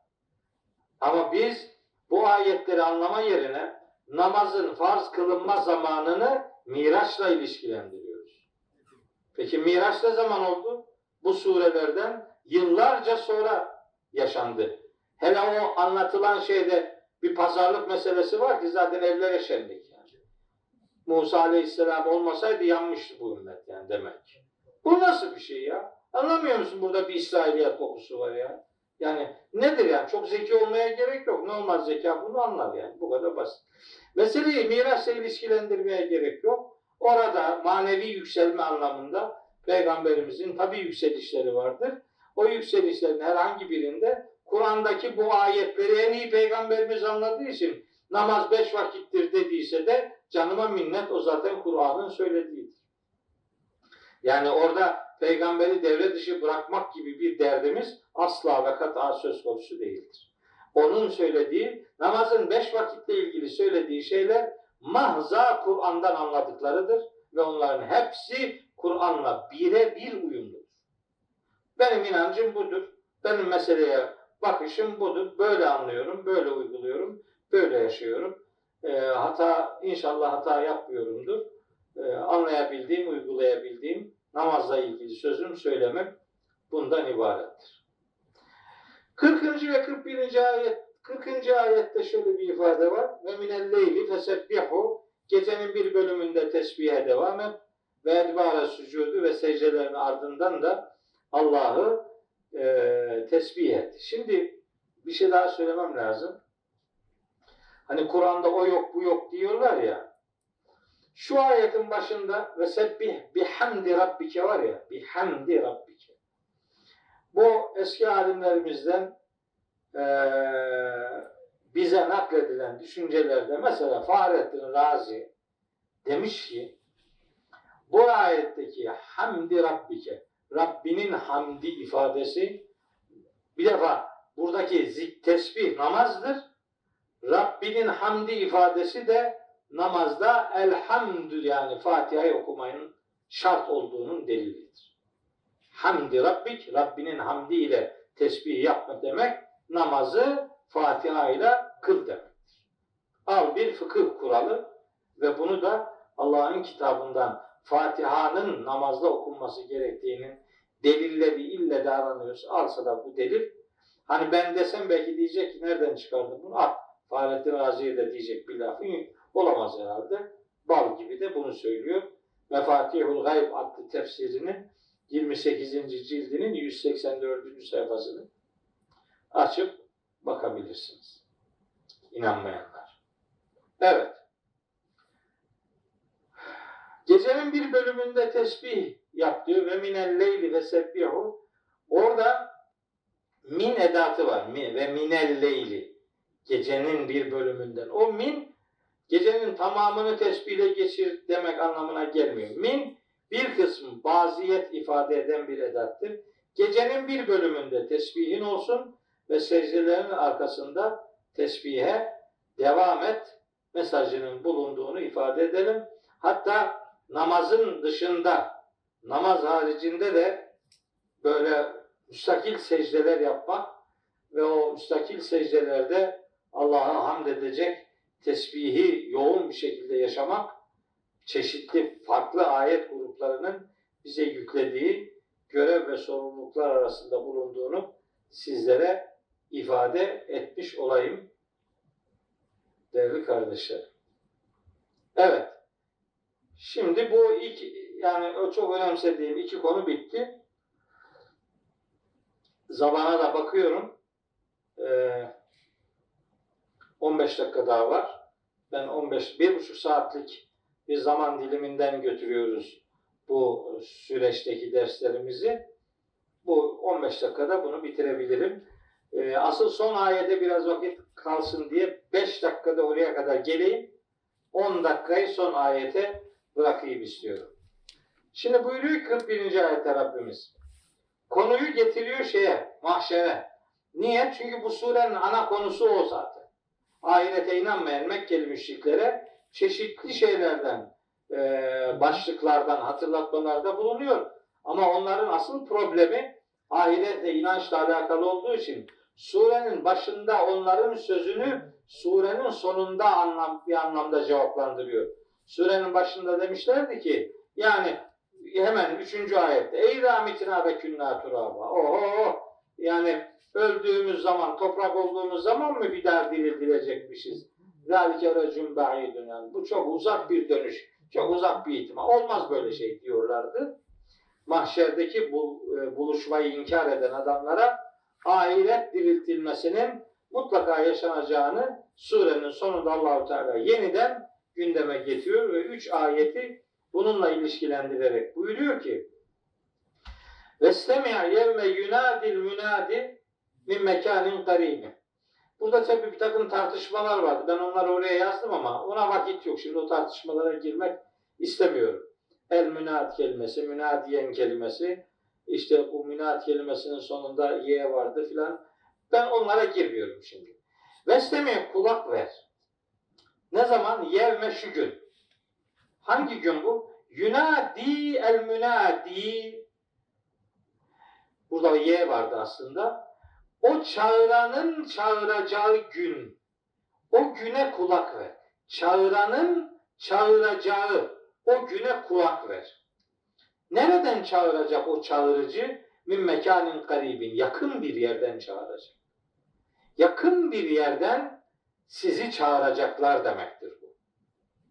Yani inkarcılara özellikle ve öncelikle mahşeri inkar ettikleri için onlara diyor ki allah Teala yakın bir yerden sizi çağıracak biri olacak. Onun çağrısına kulak ver. Ne zaman bu iş? Yevme yesme'une sayhate bil hakkı. O büyük gürültüyü tam manasıyla duyacakları gün. Mahşer günü. Mahşer günü o yakından seslenilecek olan o seslenicinin sesine kulak verin. Zalike yevmul huruci. Bu detaylara girmiyorum. Zalike yevmul huruci. İşte o, o gün hurucun günüdür. Huruc çıkış demek. Yani topraktan diriltilme günüdür. O gün yeni bir hayatın başlangıç günüdür. Ona dikkat çekiyor. Burada onu çok uzak görüyordunuz filan ama çok da yakındır aslında. Herkes yakınından e, bir melek ona seslenecek. Eğer mesele sur borusuyla alakalıysa zaten bunu duymayacak kimse olmayacaktır. O işte inkar edip durduğunuz çıkış günüdür. O gün size seslenecek olanın sesine kulak verin diyor Allahü Teala. Sonra yeniden Rabbimizin kudretine dair tereddütleri bulunanlara hitaben buyuruyor ki inna nahnu nuhyi ve numitu. Bakın diyor biziz biz dirilten yani yaşatmakta olan da biziz ve numitu ve öldürecek olan da biziz. Ve ileynel masiru nihayet varıp dönüş sadece bizedir. Şimdi burada bir, allah Teala'nın yaratıcı olduğuna dikkat çekiliyor. İki, bu hayatı onun sona erdireceğine dikkat çekiliyor. Üç, onun ahiretinin bulunması nedeniyle dönüşün sadece ona olacağına dair bilgi veriyor. Aslında bu ahirete inanç sorunu yaşayanlara verilmiş önemli bir bilgilendirmedir. Ancak bu aynı zamanda putlara tapıp putlardan herhangi bir beklenti içinde olmanın da onlardan herhangi bir korkuya kapılmanın da yersiz olduğuna gönderme yapar. Çünkü onlardan beklenti veya onlardan korku onların ahiretinin bulunmaması nedeniyle boşunadır. Ahireti olan kudret sadece Allahu Teala'dır. Yaşatan sadece odur. Öldürecek olan sadece odur. Kimse hayatta oluşunu başkasından bilmesin. Kimse ölümünü başkasından bilmesin. Nihayetinde sistem Allah'ın yaratması üzerinden yürüyor. Başka putlar üzerinden Allah'ın bu kudretine, bu sıfatlarına dair herhangi bir tereddüt, herhangi bir farklı bekleyiş içerisine hiç kimse girmesin diye böyle bir genel bilgilendirme söz konusudur. Ve bu pasajın bitirici cümlesi yevme teşakkakul ardu anhum sira şeklinde geliyor. Yevme işte o gün o inkar edip durdukları gelmeyeceğini varsaydıkları o gün teşakkakul ardu arz yarılacak anhum onlarla ilgili olarak siraan süratli bir şekilde yarılacak. Yeryüzü süratli bir şekilde yarılacak. Yani burada iki mana var. Biri yeryüzü süratli bir şekilde yarılacak. Diğeri yeryüzü yarılacak insanlar süratli bir şekilde çıkacaklar. Hani böyle böyle pış pışlayarak böyle uyandırma öyle değil yani. Korkunç bir gürültü ve yerin yarılması, süratli bir şekilde yarılması söz konusu. Rum suresi 25, Yasin suresi 51, Me'ariç suresi 43. ayetlerde de bu yeryüzünün yarılması ve insanların Allah'ın huzuruna doğru koşarak, coşarak yürümelerine dair bilgiler veriliyor. O, o detaylara girmiyorum. Zalike haşrun aleyna yesirun. Bu var ya bu, bu, bu, bu işlem, bu mahşerle alakalı anlatılanlar bu bizim, bize göre, bizim üzerimize oldukça kolay bir toplama işlemidir. Bu kadar adam nereden toplanacak diyor adam. Nereden bulunacak? O kolay, o bir şey değil. Sahibi çağırınca kuşlar nasıl sahibinin yanına gidiyorsa Allah yarattığını, yarattığını çağırdığında yaratılanlar Allah'a koşarak gideceklerdir. Bu zor bir iş değil. O kadar o kadar kolay ki bunun kolaylığına bir gönderme yapıyor. Ayet onun için şeyin dibine yazdım unutmayayım diye. Lokman suresi 28. ayette diyor ki Rabbimiz Ma halkukum ve la ba'dukum illa kenefsin vahideten. Yani zor mor filan aklınıza gelmesin. Sizin hepinizin yaratılmanız da diriltilmeniz de bir canın yaratılması gibidir yani. Bir kişiyi yaratmak değilse diyor Allahu Teala herkesi yaratmak da benim için böyle bir şeydir. Sakın ha burada sıra bize gelmez gibi bir düşünceniz olmayı versin diye bir hatırlatmanın yapıldığını bu vesileyle sizlere ifade edeyim. Ve nihayet surenin son ayet kelimesi şöyle 3-5 dakika bu ayetle ilgili sizlerle düşüncelerimi paylaşayım istiyorum. Ayet-i kerime şöyle başlıyor. Estağfirullah. Nahnu alemu bima yekulune. Tabi şimdi peygamberimiz bunları onlara anlatınca onlar munis munis dinlemiyor ki yani. Kafasını sallayıp kabul etmiyor ki. inkar ediyor. Hem yüzüne karşı inkar ediyorlar hem arkasından işte lüzumlu lüzumsuz şeyler söylüyorlar. Alay ediyorlar.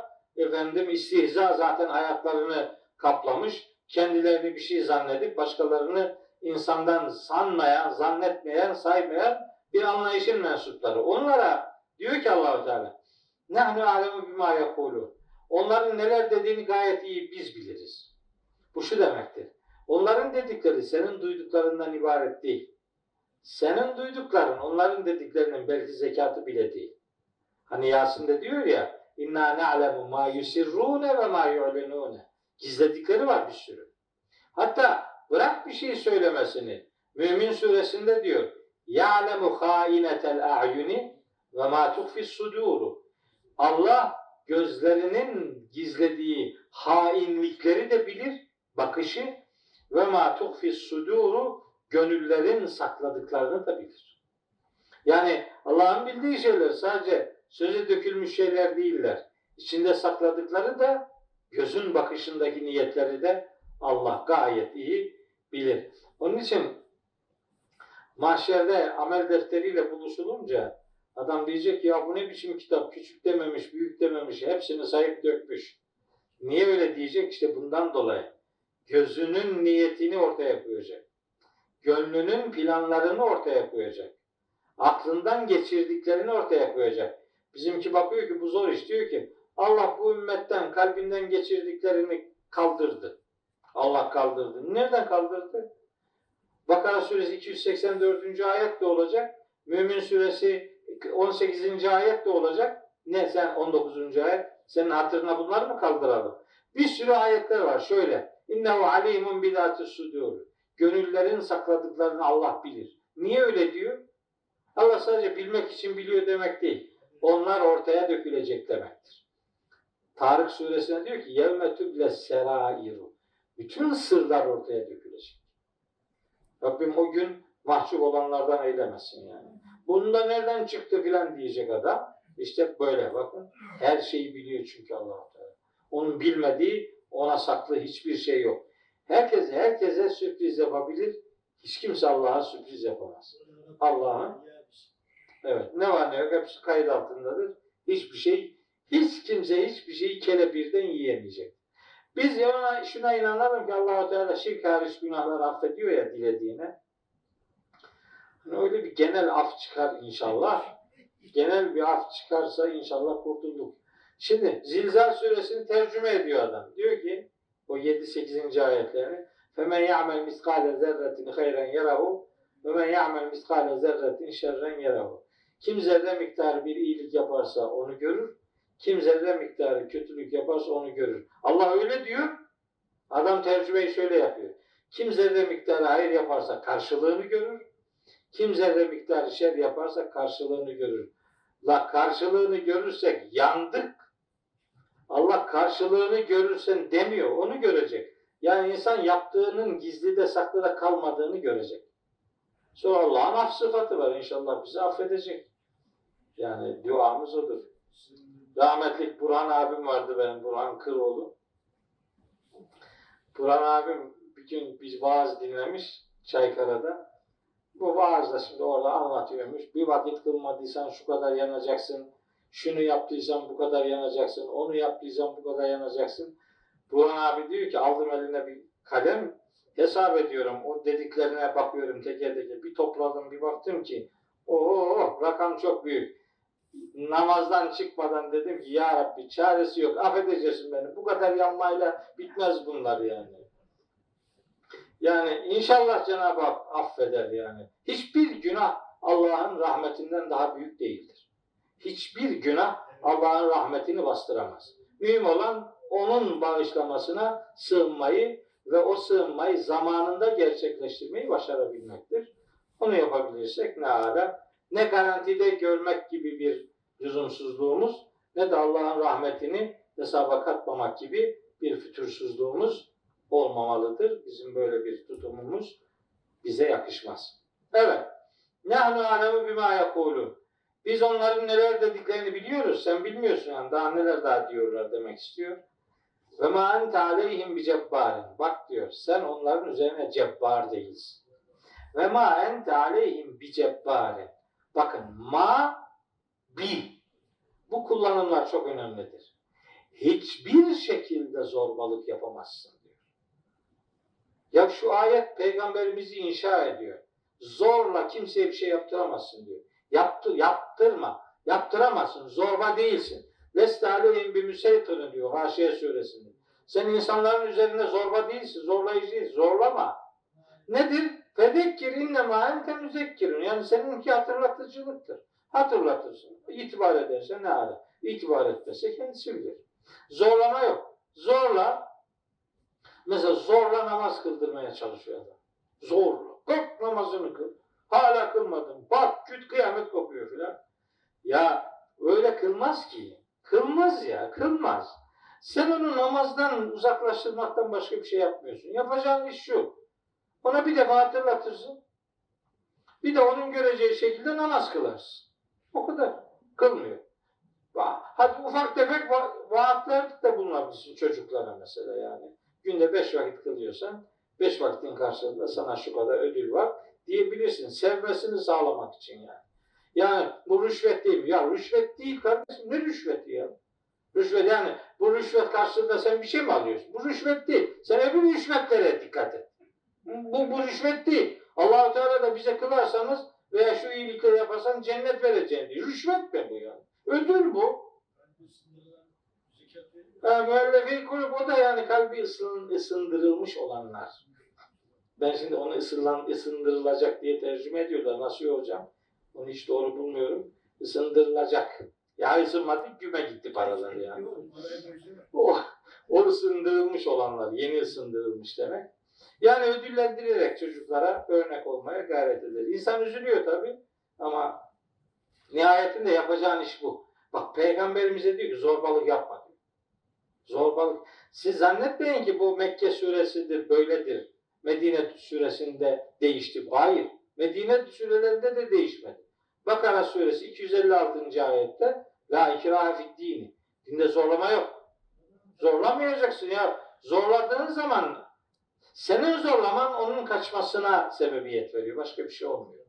Ama bu ondan vazgeçmek demek değil yani. Sırasını, rutinini ve güzel ayarlamak ve alternatif sunumlara zaman zaman yer vermek belki daha doğrusudur. Bu arada da kendi hayat, çocuklara bir şey öğretmek aslında mümkün değildir eylem. Çocuklara bir şey öğretmek aslında mümkün değildir. Mümkün olan çocuklara örnek olmaktır. Çocuklar öğretilerek öğrenmezler. Görerek öğrenirler. Adam elinde cep telefonu, kendisi. Çocuğa diyor ki nedir telefon akşama kadar onunla uğraşıyor. E sende de var. Yani bu senin elindeyken ona yapma diyorsun. Olmadı ki bu. Görerek öğrenir o. Bilgilendirerek filan dayatarak değil. Yani ayetlerde bu vazgeçmek anlamına gelmiyor. Tekrar vurgulayayım. Ama üslubunu şey, yani aralığını, metodunu güzel kullanmak. Kavli leyyin diye bir ifade var Kur'an'da. Yumuşak söz. Yumuşak söz söylemek. Ya bakın Uhud Savaşı var ya, Uhud Savaşı'nın kaybedilmesinin sebebini herkes biliyor. Uhud Savaşı nerede kaybedildi? Niye kaybedildi? O okçular yerlerini terk ettikleri için kaybedildi. Bakın onlarla ilgili bak o orayı anlatıyor. Ali İmran suresinde Allahu Teala. Onların o işini anlattığı pasajda diyor ki sen sen febima rahmetin min Allahi linte lehum Allah'ın rahmeti sayesinde onlara yumuşak davrandın. Velev künte fazzan galizal kalbi lenfaddu min havlik. Eğer sen kaba, katı yürekli olsaydın çevrenden dağılıp giderlerdi. Bu evde de böyledir. Evde de kaba ve katı yürekli olursan çocuğun uzaklaşıyor senden. Uzaklaşıyor. İş yerinde de öyle. Her yerde böyle. Yani bu Uhud'dakilerle alakalı ve sınırlı değil. Evet onlarla alakalı ama mesaj hepimize. Kapa, kaba olmayacak, katı yürekli olmayacak. Dağılır. Savaştaki adamlar dağıldığı gibi evdeki çocuk da dağılabilir.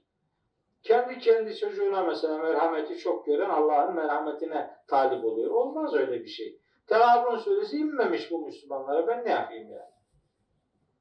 Sonra diyor ki Fa'fu anhum sen onları affet. O Uhud'daki o 50 kişi ya 50 okçular tepesindeki Fa'fu anhum onları affet ve lehum ve onların hatalarından dolayı bağışlanması için duada bulun ve şavirhum fil emri. Onlarla yine memleket meselesini, toplumsal hayatın gidişatını onlarla istişareye devam et. Bak o okçular tepesindekilerle alakalı bu. Onlar bile istişareye devam edilsin diye tanıtılıyor. Biz adam bir ufak bir ufak hata yapıyor. Ondan sonra sittin sene bunu semtime uğratmayalım diyoruz. Bak öyle diyor. Hangi ayet bu? 159. ayet Ali İmran suresi. Bunlar hayat kodları veren surelerdir, ayet-i kerimelerdir. Hani diyeceksiniz ki sen bunları uyguluyor musun filan? Ne sorar mısın? Ahmet burada yani. Biz öyle aman Sena da burada. Yani Senin yanında demezler bir şey tamam ben yokken işte elimizden geleni yapıyoruz. Olması gereken bu.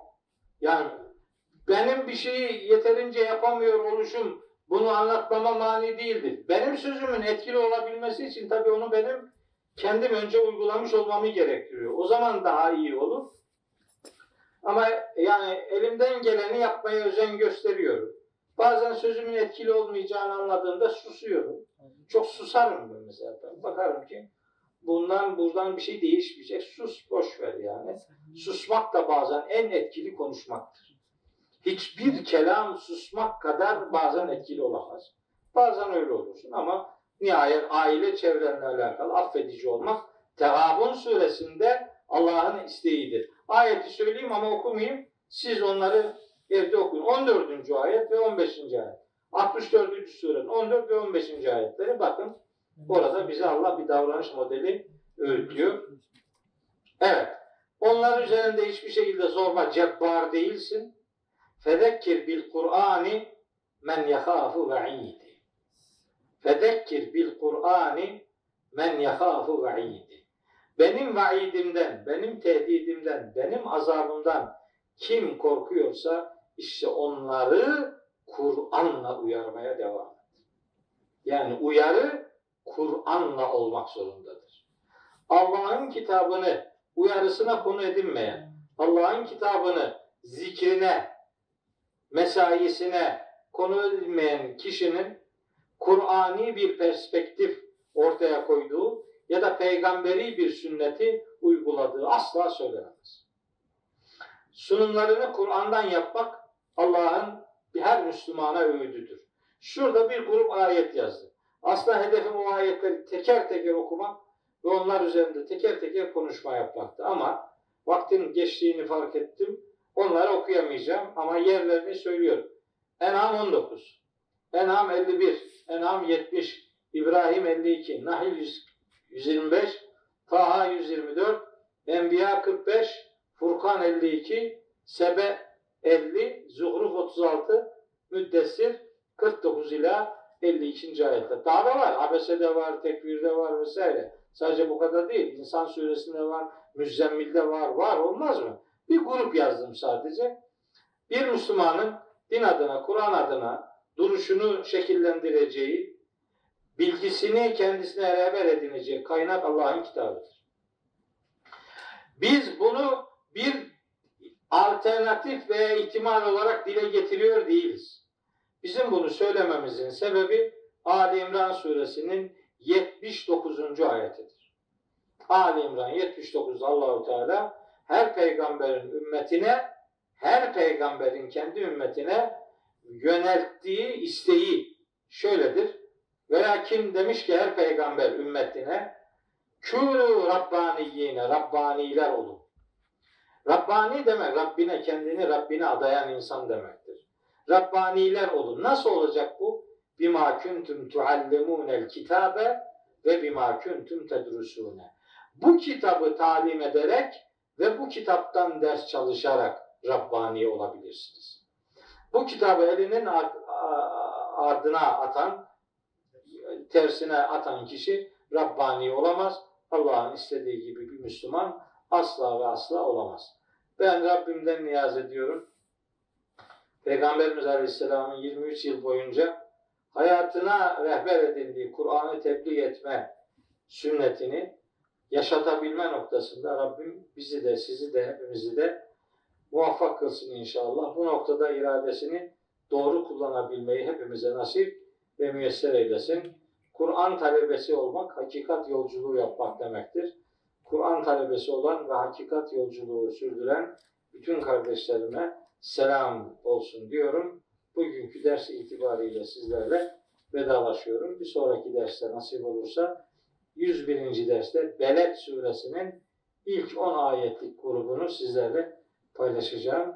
O gün görüşünceye kadar hepiniz Allah'a emanet olunuz.